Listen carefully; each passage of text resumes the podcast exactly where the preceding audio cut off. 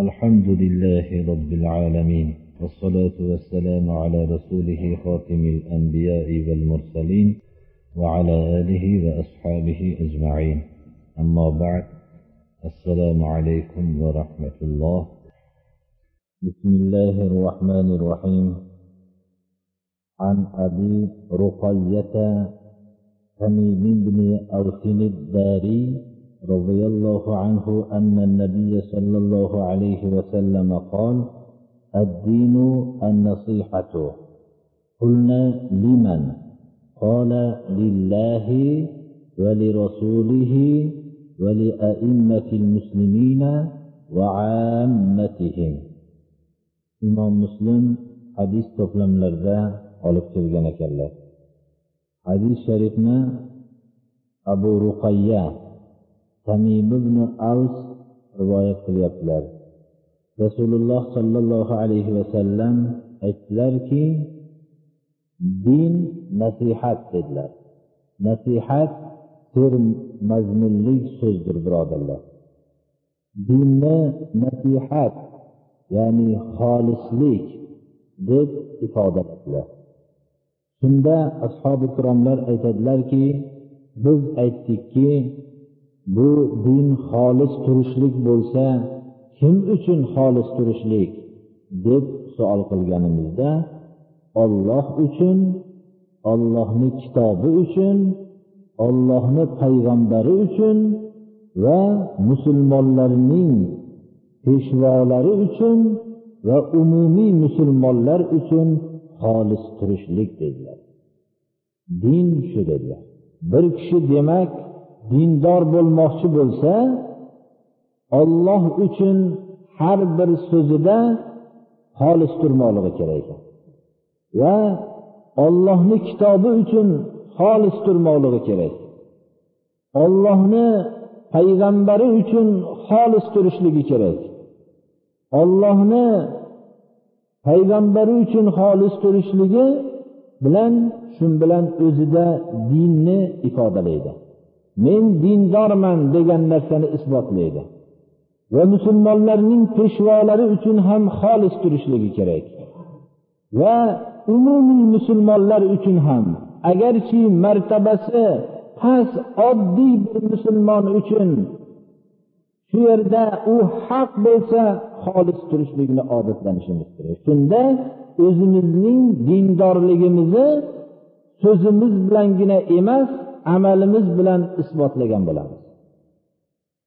Ho'p olloh uchun xolis turishlikni ma'nosini bir qisqacha bu hadis sharif nihoyatda bir sermazmun bo'lishligiga qaramasdan biz qisqaroq qilib aytib beramiz. Olloh uchun xolis turishlikning ma'nosi birinchi ollohga iymon keltirishlik va ollohga sharik isbot qilmaslik balki shariklarni hammasini nafiy qilib ollohni shariki yo'q deganligini so'zi bilan amali bilan isbotlashlik. Makka mushriklari ollohni inkor qilishmasdi. Agar ulardan ollohni bor yo'qligi haqida so'ralsa albatta bor deyishardi. Undan tashqari ollohni bor deyishlik bilangina qolmasdan koinotu yerni olloh yaratgan deyishardi. Lekin olloh bilan o'rtalarida vositalar qilib olishgan edi. Butlarni vosita qilishgan edi.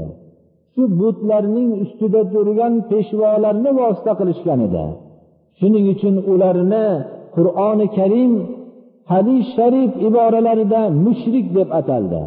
Ular bilan janobi rasululloh sollallohu alayhi vasallam yigirma uch yil shularga qarshi kurashdilar. O'ylab qolinmasinki payg'ambarimiz sollallohu alayhi vasallam olib kelgan islom yo'li qarshi bo'lgan kishilar ollohni inkor qilgan kishilargina deb o'ylab qolmasligimiz kerak.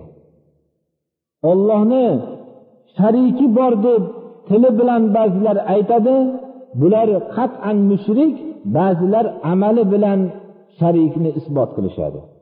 Ana bundaylar mushrik bular agarchi so'zlari bilan o'zlarini iymonni davo qilishsalar ham. Shunday shariklarni nafiy qilishlik sifatlarda ollohni sifatlarini mana aytib o'tdik bularni isbot qilishlik nuqsonlardan ollohni pok deb bilishlik ollohni itoat qilib buyruqlarni barpo qilish qilmadigan ishlaridan o'zi ijtinob qilishlik olloh uchun birovlarni yaxshi ko'rishlik olloh uchun birovlarni yomon ko'rishlik ollohga itoat qilgan kishilarni do'st tutish ollohga itoat qilmaganlarni dushman tutish olloh uchun xolis turishlikning ma'nolarini bir qismidir birodarlar. Ollohni kitobi uchun xolis turishlik.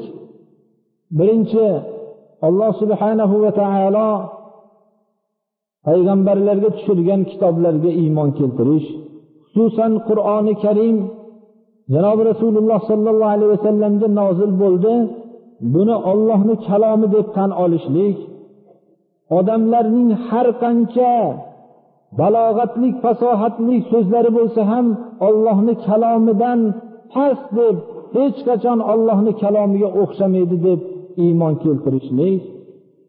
Ollohni kalomiga o'xshagan narsani hech bir insonu jin toifasi hammasi jamlansa ham biror bir kichkina surani ham olib kela olmasligiga iymon keltirishlik ollohni kitobini ulug'lashlik so'z bilan va amal bilan va haqiqiy suratda tilovat qilishlik.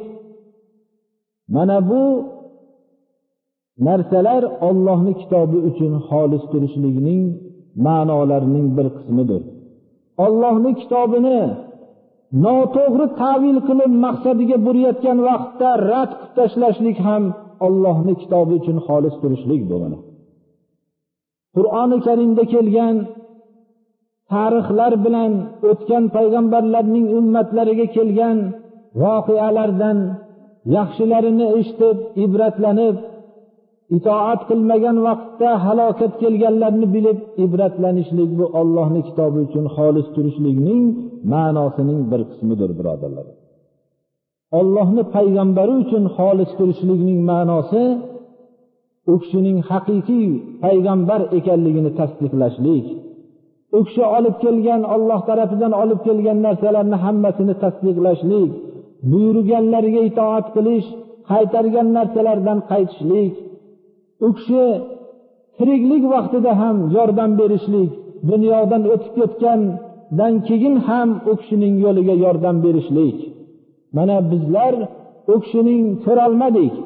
U kishi o'tib ketganlaridan keyin dunyoga keldik. U kishini yo'llariga yordam berishlik ollohni payg'ambari uchun xolis turishlikning mazmunini bir qismidir ollohni payg'ambarini dushman tutganlarni dushman tutish.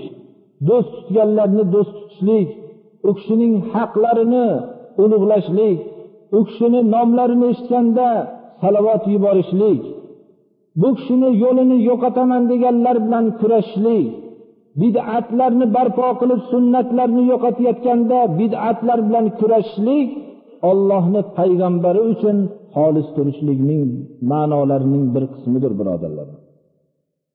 U kishi kamsitilingan o'rinlarda rad qilib tashlashlik hech bo'lmaganda shu yerdan chiqib ketishlik birodarlarim musulmonlarning imomlari uchun xolis turishlik uning ma'nosini bir qismiki haq yo'lda turganda yordam berish haqqa buyurgan vaqtda itoat qilish ularni huquqlarini tanish mabodo xato qilayotgan bo'lsa ogohlantirish ham mana bu musulmonlarning imomlari uchun xolis turishlik.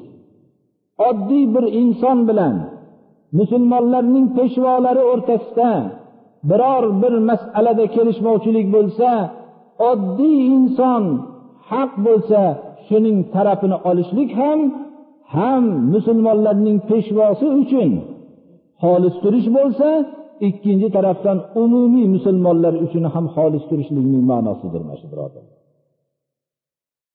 Umumiy musulmonlar uchun xolis turishlikning yana bir ma'nosi ommaviy musulmonlar xato yo'lda ketayotganda ogohlantirish to'g'ri yo'lda ketayotganda yordam berish ularning oilalarining ahvollari haqida so'zlab berish ularning butun dindan uzoqlashayotganligi bilan ogohlantirish bu umumiy musulmonlar uchun xolis turishlikdir birodarlarim xolis turishlikning ma'nosi hech kimga yon bosmasdan to'g'ri so'zni gapirib xohlasin odamlar qilishsin xohlasin qilmasin bu narsani e'lon qilishlik umumiy musulmonlar uchun xolis turishlikning ma'nosini bir qismidir birodarlar ular ma'siyat ishlar bo'lganda qaytarishlik ularga yordam bermasdan mana.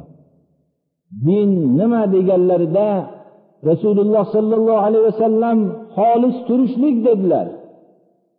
Kimga xolis turamiz deganlarda ollohga xolis turinglar kitobiga xolis turinglar payg'ambariga xolis turinglar musulmonlarning peshvolariga xolis turinglar umumiy musulmonlarga ham xolis turinglar dedilar. Birodarlar agar dunyodagi maslaklarning peshvolari shunday bir so'zni aytishganlarida ular o'zlarining har birlari uylarining peshtoqiga oltin harflar bilan yozib olishgan bo'lardi. Bizni peshvoyimiz ustozimiz muhammad alayhissalom shunaqa bir qisqa sermazmun bir so'zni aytdilar lekin bizlar u kishining so'zlaridan g'aflatda yashayapmiz birodarlar. Din nima? Din xolislik mana. Mana shunday agar bir kishi o'zini hayotini shunday qilolasa u odam haqiqiy dunyoyu oxiratdagi baxt saodatli kishi. Har qanday kishining oldida o'zi bilgan haqiqatni aytolasa ho zolim bo'lsin ho u unga xizmat qilgan odam bo'lsin. Amallarning afzali qaysi deganlarda kalimatul haqqi يقال عند من taxofuhu تقول man taxofuhu va tarjuhu kalimatul haqqi taqulu inda man taxofuhu va tarjuhu haq so'zni aytishlik qo'rqdan odamning oldida. Agar shu haqni aytsam shu odamdan men zarar ko'raman deb turgan odamingiz oldida haqni aytishlik bu eng katta ibodatlarning bittasi umidvor bo'lgan odamni oldida ham umrbod sizga xizmat qilganida sizga yordam berganida moddiy yordamlarni berganida haqni aytsam dili og'rib qolarmikin deydigan ana shunday ko'p sizni moddiy yordamlar bergan odamni oldida ham haqni aytishlik bu qo'rqqan odamni oldida aytishlikdan ko'ra og'irroqdir birodarlar. Biz ba'zi vaqtlarda haqni aytamiz. Qo'rqqan odamlarni oldida aytishligimiz mumkin ammo umidvor bo'lib turgan odamlarning oldida haqni aytishlik juda qiyin birodarlar. Payg'ambarlar ana shunday maqomni egasi bo'lganlar. Muso alayhissalom fir'avn oldida yer yuzining eng zolimini oldida haqni aytdilar. Shu bilan birga muso alayhissalom fir'avnning saroyida tarbiya topuvdilar. Shunda fir'avn o'zining qilgan yaxshiligini shu yerda muso alayhissalomga aytdilar meni saroyimda katta bo'lgansan meni uyimda ovqatlanib voyaga yetgansan degan vaqtda shunda aytdilar men ixtiyorim bilan bu yerga kelgan emasman dedilar. Bani isroilning hamma avlodini o'g'il farzandlarini so'yishlikka buyruq qilganliging sababli men shu saroyga kelib qolganman. Bo'lmasam onamni huzurida voyaga yetgan bo'lardim dedilar ana. Shunga o'xshagan payg'ambarlar ko'p oldilarida zolim bo'lgan odamlarning oldida ham haqni aytishganlar. Hatto abu tolib mana payg'ambarimiz sollallohu alayhi vasallamning umrbod tarbiya qildilar. Ana u kishini xalqlar vosita qilib payg'ambarimizning haq yo'ldan burishlik uchun abu tolib umrbod xizmat qilgan edi deb shu yo'l bilan burishlikka urinishdilar. Abu tolibcha bir odam bir odamga yaxshilik qilsa payg'ambarimiz sollallohu alayhi vasallamga abu tolib qilgancha yaxshilik qilardi. Lekin rasululloh sollallohu alayhi vasallam olloh tarafidan kelgan haqni abu tolibga shunday aytdilarki abu tolib majbur bo'ldi rasululloh sollallohu alayhi vasallamga bunday so'zlarni aytmaslikka ana payg'ambarlar hayotlarida ana shunday og'ir imtihonlarni bosib o'tishganlar. Mabodo agar bir kishi baxt saodatli bo'lsa unga ham shu imtihonlar uchraydi va shu imtihonlardan poklik bilan o'tib ketadi. U har qanday umidvor bo'lib turgan odamlar oldida haqni aytolmaydi mana uzoq vaqtlar inson pok bo'lib yashashlik mumkin lekin mana bu ikkala imtihon oldida juda oz odam pokiza imtihondan o'tadi birodarlar. Din xolis bo'lishlikdir mana. Olloh uchun xolis turish va shu bilan birga ollohning kitobi va ollohning payg'ambari uchun va musulmonlarning peshvosi uchun va musulmonlarning umumiylari uchun xolis turishlikni din deb aytiladi mabodo bir odam dini mustahkam bo'lsin desa mana shu aytilingan narsalar olloh uchun ollohning kitobi uchun payg'ambari uchun va musulmonlarning peshvosi uchun va umumiysi uchun xolis tursin mana. Alloh taolo hammamizni ham hozirgi din nasihat degan nasihat sifatiga muttasif qilsin hammamizni alloh. Taolo meni ham shu sifatdan alloh taolo nasibador qilsin va shu bilan birga shu sifatda barqaror qilsin alloh.